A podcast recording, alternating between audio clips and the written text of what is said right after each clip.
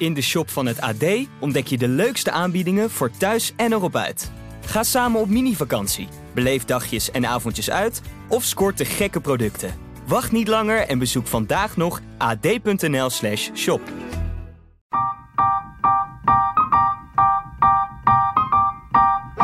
Ken jij de Tinder-swindler nog? Je weet wel, die Netflix-serie over de super charmante Casanova die vrouwen succesvol wist te verleiden om ze vervolgens te misbruiken. Het is het klassieke verhaal van een giftige relatie met een narcist. We hebben er allemaal een oordeel over, ik ook, want hoe dom kan je zijn om voor zo'n gladjakker te vallen? Totdat het jezelf overkomt. Zullen we gewoon allemaal stoppen met het gebruiken van het woord narcist? Want dat doen we gewoon Ik denk dat... Te ehm, snel? Ja. Maar eerst even dit. Team Over de Liefde is super blij met jou als trouwe luisteraar. Ben je nou ook blij met ons? Abonneer je dan op deze podcast. Oh, en heb jij een bijzonder liefdesverhaal dat je met ons wilt delen? Laat het mij dan weten. Stuur een mail naar debbie.ad.nl of laat een DM achter op mijn Instagram, @debbiegerritsen.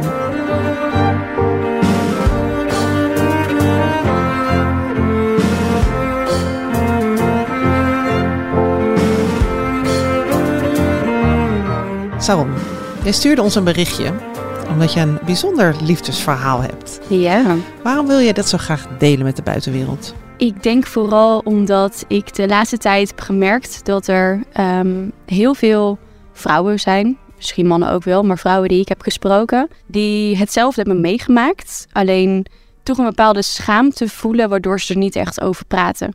En dan heb ik het echt over vrouwen die misschien wel twintig jaar in dezelfde situatie, relatie hebben gezeten als waar wat ik heb meegemaakt. Ehm, en dat was voor mij echt de inspiratiebron om ook mijn verhaal te delen. Omdat nu natuurlijk heel veel bekend is over nou, bijvoorbeeld seksueel misbruik. Hè. Dat is nu een soort van helemaal aangesneden in de media. En er wordt heel veel over gesproken. Je merkt dat steeds meer mensen zich comfortabel voelen om hun verhaal te delen. Omdat de schaamte er iets meer afgaat of zo op de een of andere manier. Alleen over nou ja, een meer ehm, emotioneel misbruikverhaal. Daar hoor je gewoon nog heel weinig over. En Ja. het gebeurt heel veel. Ik spreek zoveel vrouwen die dit hebben meegemaakt. En dan soms twintig jaar, dan denk ik, jeetje, Ja, wat heftig. want wat is jouw verhaal?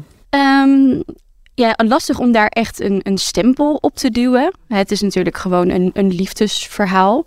Eh, maar ik heb eh, ja, te maken gehad met emotioneel misbruik, zoals ik dat zelf eigenlijk eh, noem. Ehm, het is een hele, li- begonnen als een hele liefdevolle relatie van twee mensen, waarvan ik ook echt wel geloof dat we allebei heel erg veel van elkaar hielden. Alleen eigenlijk in een hele karmische situatie terecht zijn gekomen. En eh, wat mij uiteindelijk heel veel, eh, heel veel pijn heeft gedaan.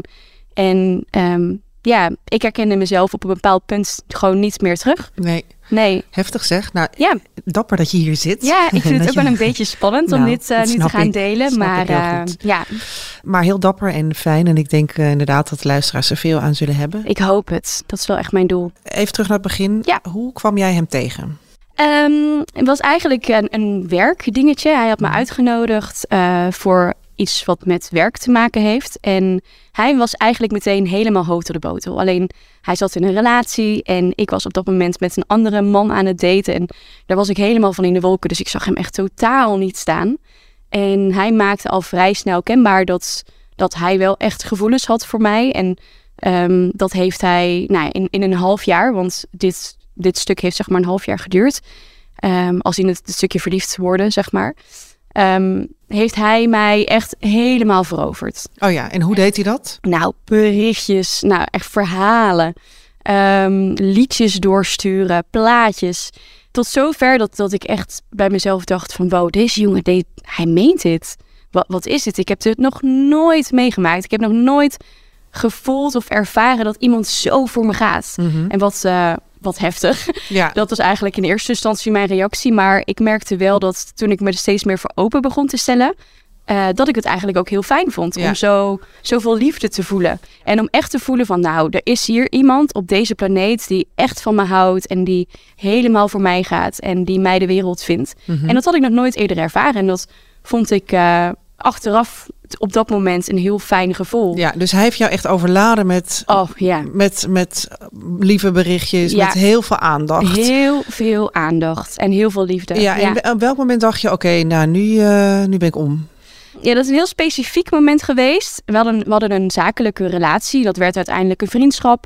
eh, waarin hij dus meer voelde dan vriendschap. En ik voelde op dat moment nog vriendschap. Maar we kwamen vaak bij elkaar over de vloer. Ehm, dus we, nou, op een gegeven moment zaten we een film te kijken. En er gebeurde iets in die film. En ehm, nou, zonder helemaal in details te treden, zorgde hij ervoor dat eigenlijk een, een fragment uit die film werd teruggehaald op dat moment in ons leven. Nou, iets specifieker, er was een akkefietje met een sleutelhanger en dat was allemaal heel romantisch.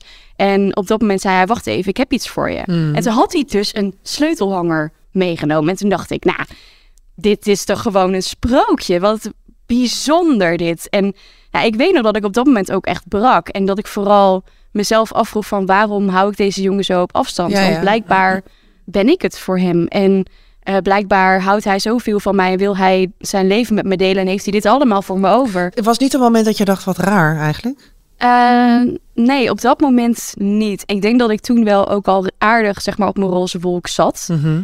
En dat ik het eigenlijk alleen maar heel erg lief en leuk vond. Ja. Ja. En wat maakte hem nog meer zo aantrekkelijk? Hè? Want iemand overlaat je met, met, met complimenten en met. Ja, hij, zet, hij, zet, hij heeft er echt alles op alles Ja, gezet alles om jou binnen te halen. Ja. Maar ja, je moet ook wel, hè, dus dat deel weggelaten. Je moet ook wel echt. Vond je hem ook aantrekkelijk? Wat maakte hem zo leuk Nee, in eigenlijk? de eerste instantie helemaal niet zelfs. Nee, ik weet nog een moment dat ik bij hem achter op de scooter zat. En dat ik, toen waren we dus gewoon nog vrienden. En dat ik op dat moment dacht, nee, dat is het echt niet. Oh ja. Ja, gewoon, ik voelde het niet. Ik Nee. voelde geen fysieke aantrekking. En op de een of andere manier, door eigenlijk een emotionele connectie die wij heel sterk hadden. Want hij was wel ook echt mijn maatje. Eh, we zaten heel erg op één lijn. Eh, het was in corona. Je brengt veel tijd met elkaar door. Mhm.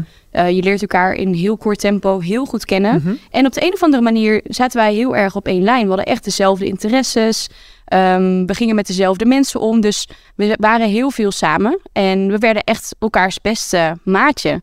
En die emotio- emotionele connectie zorgde er bij mij voor dat ik op een gegeven moment ook een eh, fysieke connectie naar hem voelde. Ja. En toen ik dat begon te merken, toen dacht ik, ja, maar dit is het dan gewoon, toch? Oh ja. Dan is dit toch gewoon mijn liefdesverhaal. Dan Ja. is dit gewoon mijn droomprins. Waar droomde je over met hem? Wat was het ideaalplaatje? Oeh, nou ja, ehm, ik denk dat wij allebei wel een hele vrije manier hebben van leven. Dus dat we niet altijd per se aan het ideale plaatje willen voldoen. Mhm. We hadden allebei niet een hele duidelijke kinderwens, bijvoorbeeld. Of ehm, op dat moment natuurlijk in de coronatijd, dan zijn er natuurlijk ook een stukje polarisatie van wat, wat doen we wel, wat doen we niet. En daarin zaten we heel erg op één lijn. Dus we waren echt een team, zeg maar. Ja, en jullie vonden elkaar in de, in de overtuiging, Ja. zeg maar. Ja. en ik dacht ook van, nou ja, dit is eigenlijk voor mijn gevoel en ook vanuit nou, mijn expertise, ik werk natuurlijk in de liefde, was dat voor mij het ideaalbeeld voor een relatie. Ja. Is eigenlijk de liefdesrelatie hebben met je beste vriend. ja. En echt zo'n team vormen met elkaar. Dat was heel bijzonder. Nou, we gaan het zo verder hebben over wat jij precies doet in de liefde. Oké. En, en ook verder praten over jouw relatie. Ja. Eh, maar ik kan me zo voorstellen, beste luisteraar, dat jij denkt: Goh, ik heb hier eh, heel veel vragen bij. En dat kan, hou je niet in. Stuur een berichtje naar, eh, naar mij, naar debbie.ad.nl of naar mijn DM op Instagram, Debbie. En Dan proberen we die vraag volgende week mee te nemen of anders later in andere uitzendingen. Saron, ja, dus jij zat. Ja, jullie zaten echt op een, na een coronatijd veel bij elkaar. Zelfde, ja, eigenlijk wel hetzelfde idee van het leven, idee van een relatie. Je zat echt op een roze wolk. Ja. En toen ging het mis. ja, drie maanden later maakte hij het uit. Zomaar. Ja. En, en had hij een reden daarvoor? Ehm, op dat moment zei hij van niet. Eh, dit gesprek heeft letterlijk eh, 15 minuten geduurd. Wat ook voor mij maakte dat ik natuurlijk helemaal flabbergasted achterbleef. Ja. Ik snapte er helemaal niets van. Want hoe kan de persoon die mij zo hoog had zitten, Mhm. zoveel van me hield, zo belangrijk voor me was geworden ook, me gewoon in één keer laten gaan? ja. Hoe kan dat? Dat Ja, wat deed dat snapte met dat je? niet. Eh, in eerste instantie was het een soort van out-of-body experience. Van, Ja. hè? Wat, Wat wat, gebeurt gebeurt hier? hier? Dit, dit, dit gebeurt niet echt. Dit is gewoon een hele slechte film of zo waar ik in ben beland. Dus ik heb het in eerste instantie heel erg aan de kant gezet. Toen dacht ik van, nou, het komt wel goed. Hij komt wel terug. Het is gewoon een foutje. Ehm, en dat hij gaf het. geen reden. Hij, van het Nee, ene op andere moment zei hij... gevraagd. Ja. Ja. ik heb op een gegeven moment zelfs nog gevraagd. Want ik weet dat, ehm, omdat hij in de tijd dat hij verliefd op mij werd, had hij dus nog een relatie. Die relatie is heel plotseling overgegaan, omdat zij erachter was gekomen dat hij gevoelens had voor mij. Dus die relatie die was ineens klaar. En ehm, hij heeft daar nooit closure in gevonden. En ik weet dat hij daar heel moeilijk mee had, want daar had ik het ook wel eens me- met hem over. En ik wist ook dat zij geen contact meer hadden. Dus het eerste wat ik hem eigenlijk vroeg was: Goh, heeft het met haar te maken? En hij ontkende dat. Hij zei: Nee, heeft niks met haar te maken. Ik kan jou gewoon niet geven wat jij verdient en wat je nodig hebt. En ik wil het hierbij laten. En hij is op dat moment letterlijk ook de deur uitgelopen en heeft mij daar achtergelaten. En ik had die avond had ik met vriendinnen afgesproken. Ik heb dat uiteindelijk ook door laten gaan met het idee: Ja, ik, ik wist gewoon niet in welke situatie ik was beland. Nee, je gelooft het ik eigenlijk geloofde niet. het eigenlijk Nee. niet. Nee. Nee. En eh, toen kwam ik er uiteindelijk via social media achter. Want hij had dus een feestje waar ik ook niet voor was uitgenodigd. Dat vond ik heel raar. Maar goed, het was coronatijd en we willen de groep klein houden. Dus eh, je bent niet welkom. En toen kwam ik er dus via social media achter dat zijn ex dus ook op dat feestje was. En Mhm. toen viel voor mij wel de puzzel in elkaar van volgens mij heeft het er wel iets mee te maken. Ja. Daar heb ik hem toen mee geconfronteerd en eh, toen barstte hij eigenlijk in tranen uit. En toen kwam er uit van ja, en ik weet niet hoe ik hiermee om moet gaan. En ik heb toch ook nog wel gevoelens voor haar. En ehm, ja, ik- wat moet ik hiermee? En ik heb hem toen eigenlijk, nou, dat vond ik heel mooi, want dat hoorde ik terug in, in de podcast met de scheidingscoach. Waar je normaal gesproken over jezelf zou zeggen van nou, ik gooi zijn kleren buiten en op sodemieteren.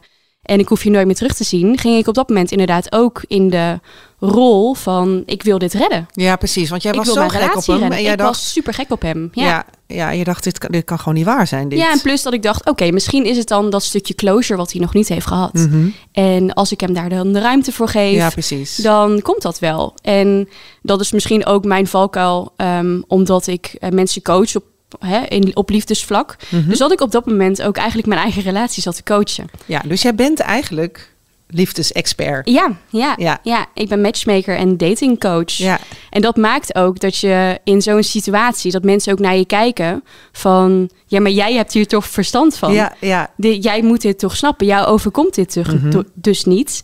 Nou ja, dus wel. Ja, Dus, dus je ging eigenlijk in een soort, eh, ja, we moeten, we Overlevingsmodus. moeten dit fixen stand. En, ehm, en, dat, en dat gebeurde ook, want hij gebeurde. kwam terug. Ja, ja.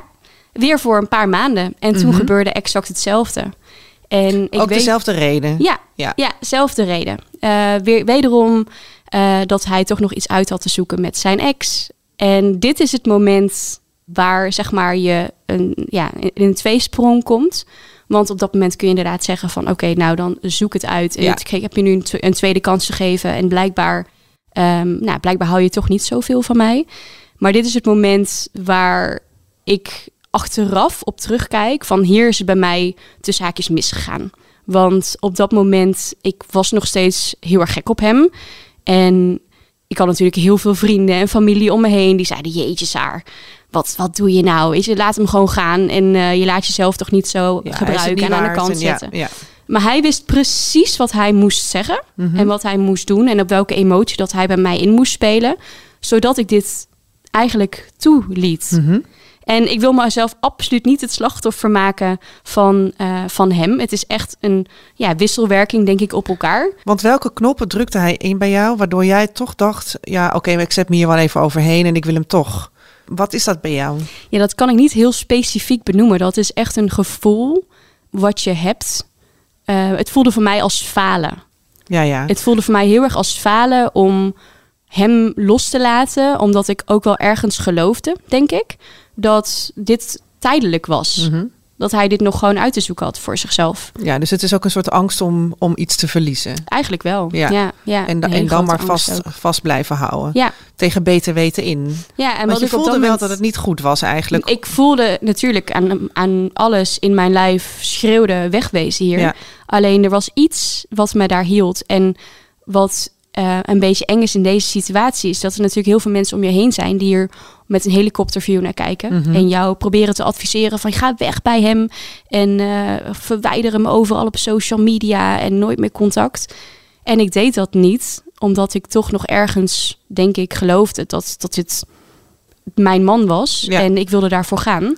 En ehm, op dat moment ben ik eigenlijk iedereen buitenspel gaan zetten. Ja, En ben ik hem eigenlijk op een ja, statue gaan zetten. En hem het handje boven het hoofd gaan houden. dus je sloot je, eigenlijk je sloot de mensen die kritiek hadden op de situatie van je af. Die Ja. duwde je weg. Ja, En je hield hem bij je. Ja. Want die situatie dat hij, hè, dat, dit gebeurde niet, dit was nou de tweede keer, was er een Hmm. derde keer. Mhm. En hoe vaak daarna heeft hij dit nog een keer? ja vaak. Ja.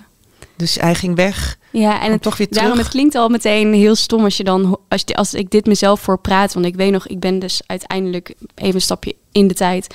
eh, natuurlijk eh, is die relatie overgaan en ben ik dit gaan verwerken. Hè? Ik heb daar Mhm. hulp voor gezocht ook, eh, professionele hulp. En dan ga je dit verhaal vertellen tegen iemand.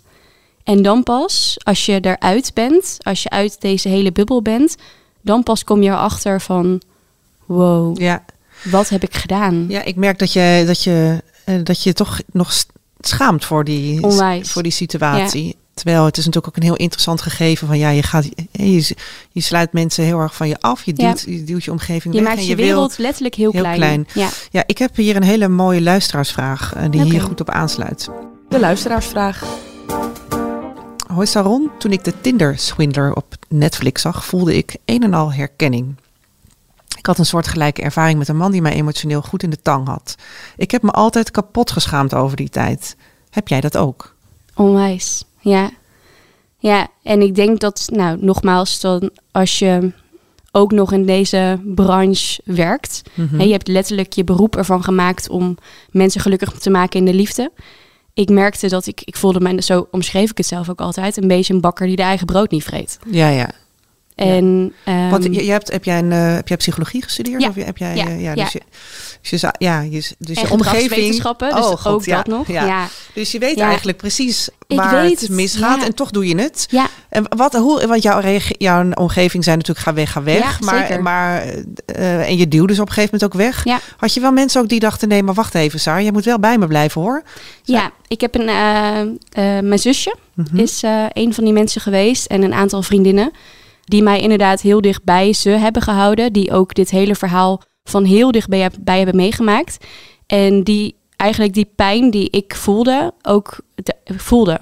En dat heb ik natuurlijk achteraf ook van hen gehoord. Dat ze op dat moment al voelden dat ze mij aan het kwijtraken waren. Dat ze door hadden dan dat, nou, Saar die wij kennen, dat is deze Saar niet. Want ik was altijd een hele onafhankelijke, sterke vrouw. eh, super positief. ehm, en dat was ik niet meer. Ik was echt een heel klein, zielig hoopje emotie eigenlijk op, op het laatst. Want wat was je aan, aan het verliezen allemaal voor je gevoel? Want je hield vast aan die relatie tegen Mhm. beter weten in, maar je liet heel veel van jezelf los. Ja, alles. Ja, ik liet eigenlijk alles waar ik voor stond. Eh, een stukje gelijkwaardigheid, respect. Dat, dat was er niet meer. Nee, maar goed, dat zijn allemaal grote, het zijn best wel grote overkoepelende Mhm. termen. Hoe, hoe, hoe voelde jij jezelf? Was je jezelf aan het verwaarlozen of was je, ben je, kon je nog wel eten? Hoe, hè, hoe, hoe, hoe zag dat in de praktijk eruit? Nou ja, op een bepaald punt was het wel zo erg dat. En dit klinkt echt ja, best wel heftig, maar dat is het zo ook. Dat ik wel op een punt ben ge- geweest van als hij echt weggaat, dan hoeft het van mij niet meer. Oh ja. Ja. En dat is voor mij ook het punt geweest. Eigenlijk dat ik een soort van klap in mijn gezicht kreeg. En dat ik dacht, wie ben jij en wat heb jij met, met Saron gedaan? Mhm. Ik herkende mezelf gewoon niet meer. Nee, nee. jemig zeg. Ja, het is best wel intens. Ja, het is heel intens. Ontzettend En- verdrietig. En een breakthrough daarin was ook dat ik een intake had met een dame voor mijn werk. En die vertelde haar verhaal tegen mij. Want dat is onderdeel van mijn werk. Is dat ik best wel diep in de emoties kruip van mensen. En zij vertellen mij hun hele verhaal. Om ervoor te zorgen dat ik ze kan helpen. Zo, om dit niet nog een keer eh, mee te hoeven maken. En zij vertelde mij dat terwijl ik nog in die situatie zat. En zij vertelde me, zij was twintig jaar met, met deze man getrouwd geweest. En ik zat pas, pas twee jaar in die relatie. En toen Mhm. dacht ik, ho, wacht even. Dit is mijn verhaal. Ja. Ik hoor mezelf.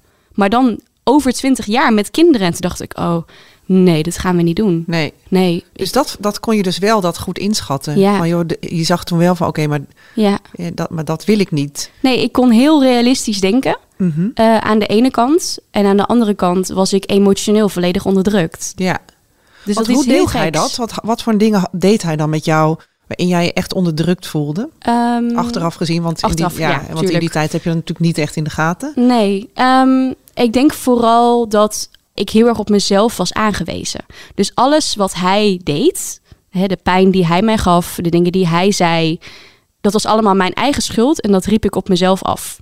En dat vertelde hij jou Ja. ook, ja. Ja. Dus het was eigenlijk jouw schuld, Hij, continu. hij kon letterlijk naast mij in bed liggen, terwijl ik heel lag, hard lag te huilen en zich gewoon omdraaien. Oh ja. Dus En hij- dan zeg maar ook zeggen van, we praten er morgen wel over, ga nu maar slapen. Hmm. Dus hij had continu de controle over, eh, over alle emoties die speelden in jullie Mhm. Ja. relatie. Ja.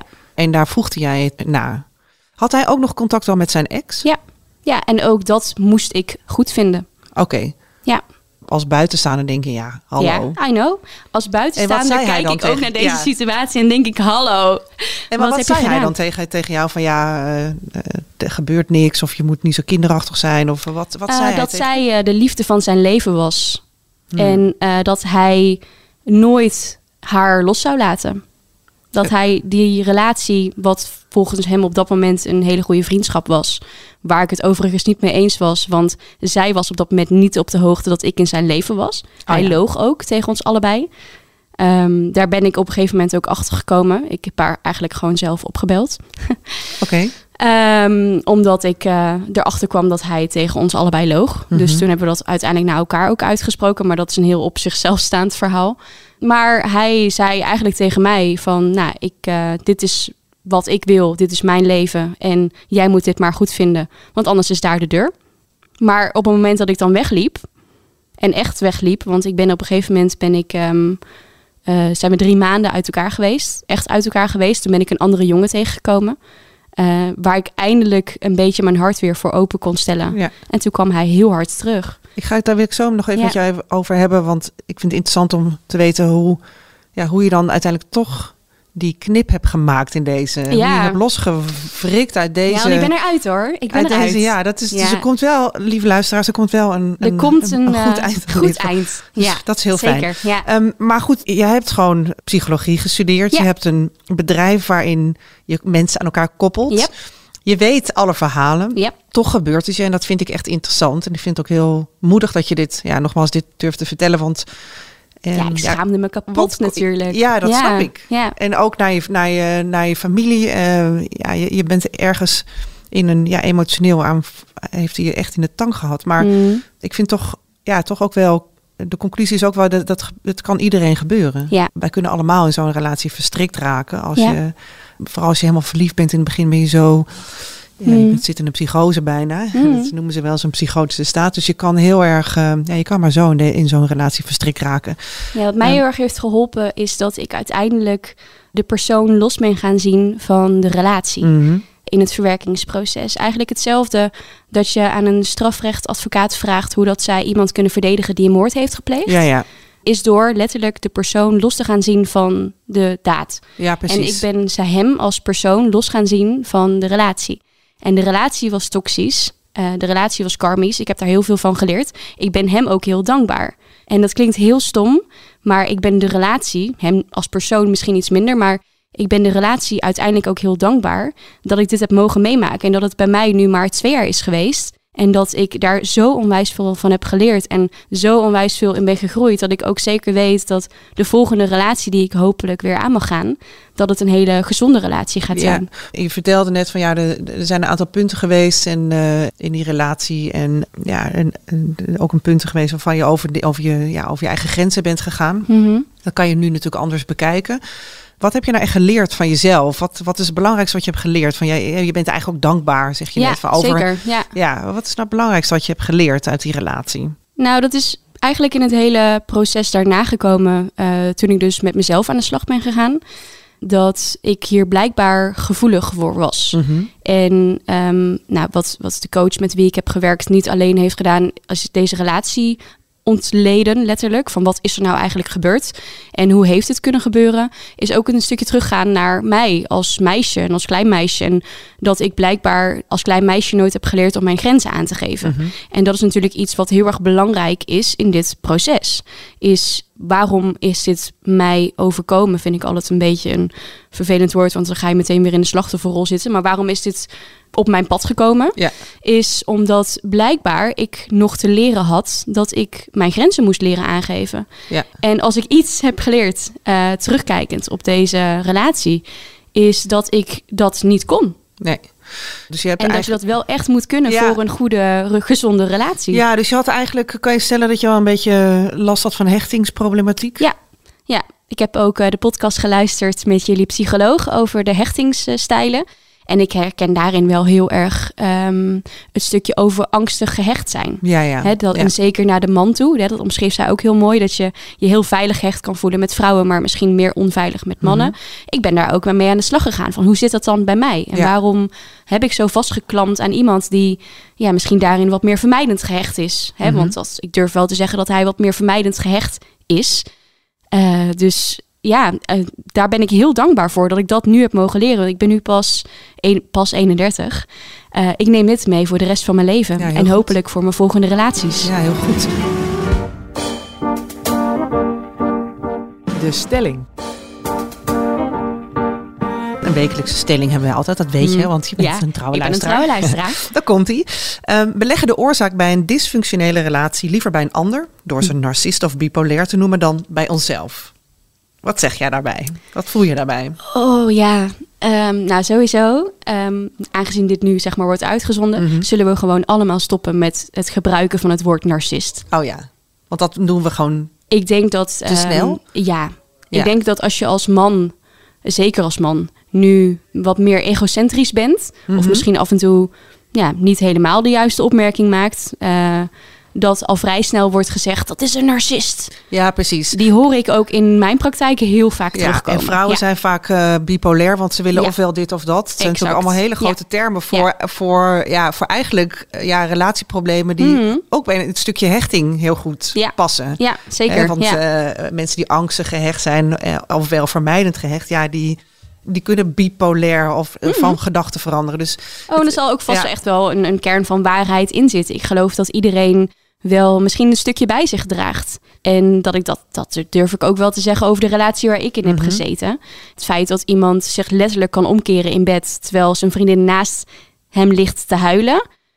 Ja, dat vind ik zelf behoorlijk wel redelijk egocentrisch. ja, ja. Alleen het het woord... is niet heel warm, nee. Nee, eh, het woord narcist eh, zou ik daarin nooit gebruiken. Nee. Nee. Dus de stelling ehm, klopt eigenlijk wel. Dat we dat te vaak in een soort grote, ter- ja, in grote termen zetten. Ja, Het ja. zijn eigenlijk woorden die we nu ineens ehm, heel veel horen. ja, En het is natuurlijk heel makkelijk op het moment dat jij iets herkent in een bepaalde situatie en daar is een stempel, om gewoon lekker die stempel erop te duwen. Ja. Want dan is het heel erg tastbaar. En dan hoef je ook niet meer met jezelf aan de Nee. slag. Want dan ligt het Nee, toch ja. aan een ander. Ja, nee, ik ben bi- bipolair of ik ben een narcist, dus dan is dat zo. Daar Ja, geloof ik niet in. nee. Je bent nooit iets. Nee, dus je hebt, jij hebt wel echt een goede, goed naar jezelf leren kijken. Onwijs. Ja. ja. En wanneer was nou het moment dat jij echt eh, dacht in die relatie... waar de fuck ben ik beland? Ik moet er nu uit. Eh, dat is september vorig jaar geweest. Ja, Je weet het nog precies. ik weet het nog. al- Ik voel het zelfs nog. Oh ja? Wat, en wat voel het je voelde dan? echt, en dat klinkt heel stom, maar het voelde echt alsof er een soort van navelstreng werd doorgeknipt. Oké. Van oké, dit, dit, dit ligt niet meer bij mij. Ehm, wat ik al eerder En zei. hoe kwam dat? Wat, wat gebeurde er toen? Nou, we, we hadden de zoveelste eh, discussie over dat eh, ik anders in liefde sta dan dat hij dat doet. Mhm. En nou, dat, dat geloof ik ook wel. Ik, ehm, ik kan heel erg veel liefde geven. Ik vind dat ook heel erg leuk om te doen. En hij vond dat natuurlijk doodeng om te ontvangen. Ik denk dat ik daarin ook wel een hele karmische partner voor hem ben geweest. Dat hij zichzelf onwijs is tegengekomen. Maar op dat moment voelde ik van, dit ligt niet, ik hoef dit niet meer te doen. Mhm. Ik, heb, ik, hoef, ik heb deze zorgplicht letterlijk niet meer naar jou toe. Maar ik heb misschien nu eerder de zorgplicht naar mezelf. Ja. En eh, op dat moment heb ik echt die knoop doorgehakt en gedacht: nee, dit, dit wil ik niet meer. En het, het klinkt, ja, dit voel je in je lijf. Ja. Dit voel je in, in alles, alsof er ineens nou, en alles wegvalt, wat ook best wel heftig was. Waardoor ik op dat moment ook dacht van oké, ik ga dit gat nu opvullen met het feit dat ik aan mezelf wil gaan werken. En dat ik eigenlijk 2023 in wil als weer de sterke, zelfverzekerde, leuke Saar als die ik was. Mhm. Want ik was dat gewoon niet meer. Ik was echt, en ik weet niet of dat ik het woord mag noemen, maar ik was echt een zeikwijf. Mhm. Je mag alles zeggen. Ja? Oké. Ik was echt een zeikwijf tegen iedereen. Ik huilde alleen maar, ik zeurde alleen maar. Ik was geen leuke vriendin. En ik ben super dankbaar voor de mensen die eh, op dat moment bij me zijn gebleven. Die omschouw ik ook echt als nou, echte vriendinnen en vrienden. En me- ja, mijn zus. Mijn zus Ja. was echt heilig. Ja. Nou, dat is fijn. Ja. Ja. want je hebt dus best wel wat mensen van je afgeduwd in die periode. En, die, en je moest niet alleen voor jezelf zorgen, maar ook weer zorgen dat je sociale leven een beetje op orde kwam. Ja, daar heb ik heel hard aan gewerkt. En ik ben heel blij dat ik dat nu, eh, dat ik dat nu weer heb. En dat is ook iets waarvan ik nu ook zeg eh, dat ik dat ook niet meer ga loslaten. Nee. En ik denk dat dat ook iets heel moois is. Eh, Voel jij je misbruikt? Wauw. Ehm, oh, dat vind ik lastig. Ja en nee. Als in, ik voel me misbruikt door de persoon, maar niet door de relatie. En dat heeft meer met, met de daden te maken waarvan hij zich bewust is geweest dat hij dat heeft gedaan. Mhm. De aantal voorbeelden die ik heb opgenoemd, dat zijn er nog veel meer. Dat zijn gewoon hele vervelende opmerkingen maken. Eh, emotioneel volledig eh, zichzelf afschermen van wat ik op dat moment nodig heb. Ehm, ja, daarin voel ik me misbruikt, omdat hij wist hoe loyaal ik was naar hem toe. Alleen Dus hij heeft je opzettelijk pijn gedaan. hij heeft mij in bepaalde vormen zeker opzettelijk pijn gedaan, maar ook, en dat geloof ik ook, in bepaalde vormen niet. Ik geloof oprecht dat hij heel erg verliefd was op mij. En dat hij heel erg veel hield van mij. Dat, en dat hij dat misschien nog steeds wel doet ergens. Alleen de manier waarop was niet altijd even duidelijk en niet altijd even gezond. Verwijt je hem nog wat? Nee, Nee? Nee. En dat is ook onderdeel geweest van, van mijn verwerkingsproces, van mijn rouwproces. Is dat ik hem echt ben gaan vergeven. En ehm, wat ik daar wel voor nodig heb, is dat ik geen contact meer heb en wil. En dat ik gewoon mijn leven nu wil opbouwen zoals ik dat wil, zonder hem. En dat is af en toe nog best wel moeilijk, want je wordt in heel veel dingen natuurlijk nog wel aan elkaar herinnerd. Ehm, ik ben bijvoorbeeld naar Haarlem verhuisd, waar ik nu woon. eh, Voor hem. Voor hem. Ja, woonde in Brabant. Ik woon in Brabant. ja, Ja, je hebt een hele stap voor ik hem heb gemaakt. best wel een hele stap gemaakt. Ja. Dus er zijn echt wel wat dingen waar ik nog aan herinnerd word, maar dat doe ik nu en ik voel daar steeds meer liefde ook bij. Ja, ja. Ik denk van, dit is ook, ook, ook, dit is ook goed geweest. Ik ben ook heel dankbaar dat ik nu in Haarlem woon. Ik hou van Haarlem. Nou, Ja, dus je hebt jezelf echt ehm, herpakt en je gaat, eh, Ja. je, gaat er, eh, je gaat het nu anders aanpakken. zeker. Ja, Nou, goed om te horen. Tot slot, wat, eh, je, ja, je schreef ons, hè, je wilde graag je, je verhaal kwijt. Nou, ik hoop dat je je veilig en prettig hebt gevoeld. Om ik dit heb me heel fijn gevoeld. om Ja, het zeker. te delen. Ik denk dat het heel goed is dat je, dat je dit vertelt. En ik denk dat het ook zeker heel herkenbaar is voor heel veel eh, luisteraars. Mhm. Wat zou je ze nog willen meegeven, de luisteraar die hierin zit? Ehm, ik denk de mensen die dit verhaal herkennen, eh, dat zijn de mensen die dit zelf hebben meegemaakt of die dit op dit moment meemaken. En er gaan ook heel veel mensen luisteren die denken: Jeetje, deze chick, je had hier toch veel makkelijker uit kunnen stappen. Je bent zo dom geweest. Eh, hè, wat, wat, is dit, wat is dit voor raar verhaal? Pas als je dit zelf hebt meegemaakt, zul je dit herkennen. En ik wil eigenlijk aan de mensen meegeven die dit op dit moment herkennen, omdat ze erin zitten blijf sterk, het komt goed. En er komt straks een moment dat jij ook die navelstreng door kan knippen. Ehm, aan de mensen die dit herkennen van een vriend of vriendin, die misschien inderdaad afstand neemt. Of die, ehm, waarvan jij zegt van, oh dat vriendje is absoluut niet goed voor haar, maar waarom blijft ze erbij? Ga misschien eens nadenken dat er meer achter zit dan zwakte. En dat het juist soms ook wel heel veel kracht verergt of nodig is om, om hieruit te komen. En dat mensen echt wel je hulp nodig hebben. Laat ze niet in de steek, laat ze niet vallen. En ehm, praat erover met elkaar. Eigenlijk hetzelfde als wat er nu gebeurt de afgelopen jaar eh, met seksueel misbruik. Mensen ze gaan steeds meer opstaan en de schaamte gaat ervan af. Ehm, ik merk door steeds meer over te praten dat bij mij ook de schaamte eraf gaat. En ehm, dat was voor mij ook de stap om jullie een bericht te sturen. eh, om om dit, dit verhaal te delen. Want ik denk dat het gewoon gedeeld moet worden. Wat heb je bij deze gedaan? Dan heb ik bij... Oh jeetje, ja. Ja. Het staat erop jongens. Ja, het staat erop.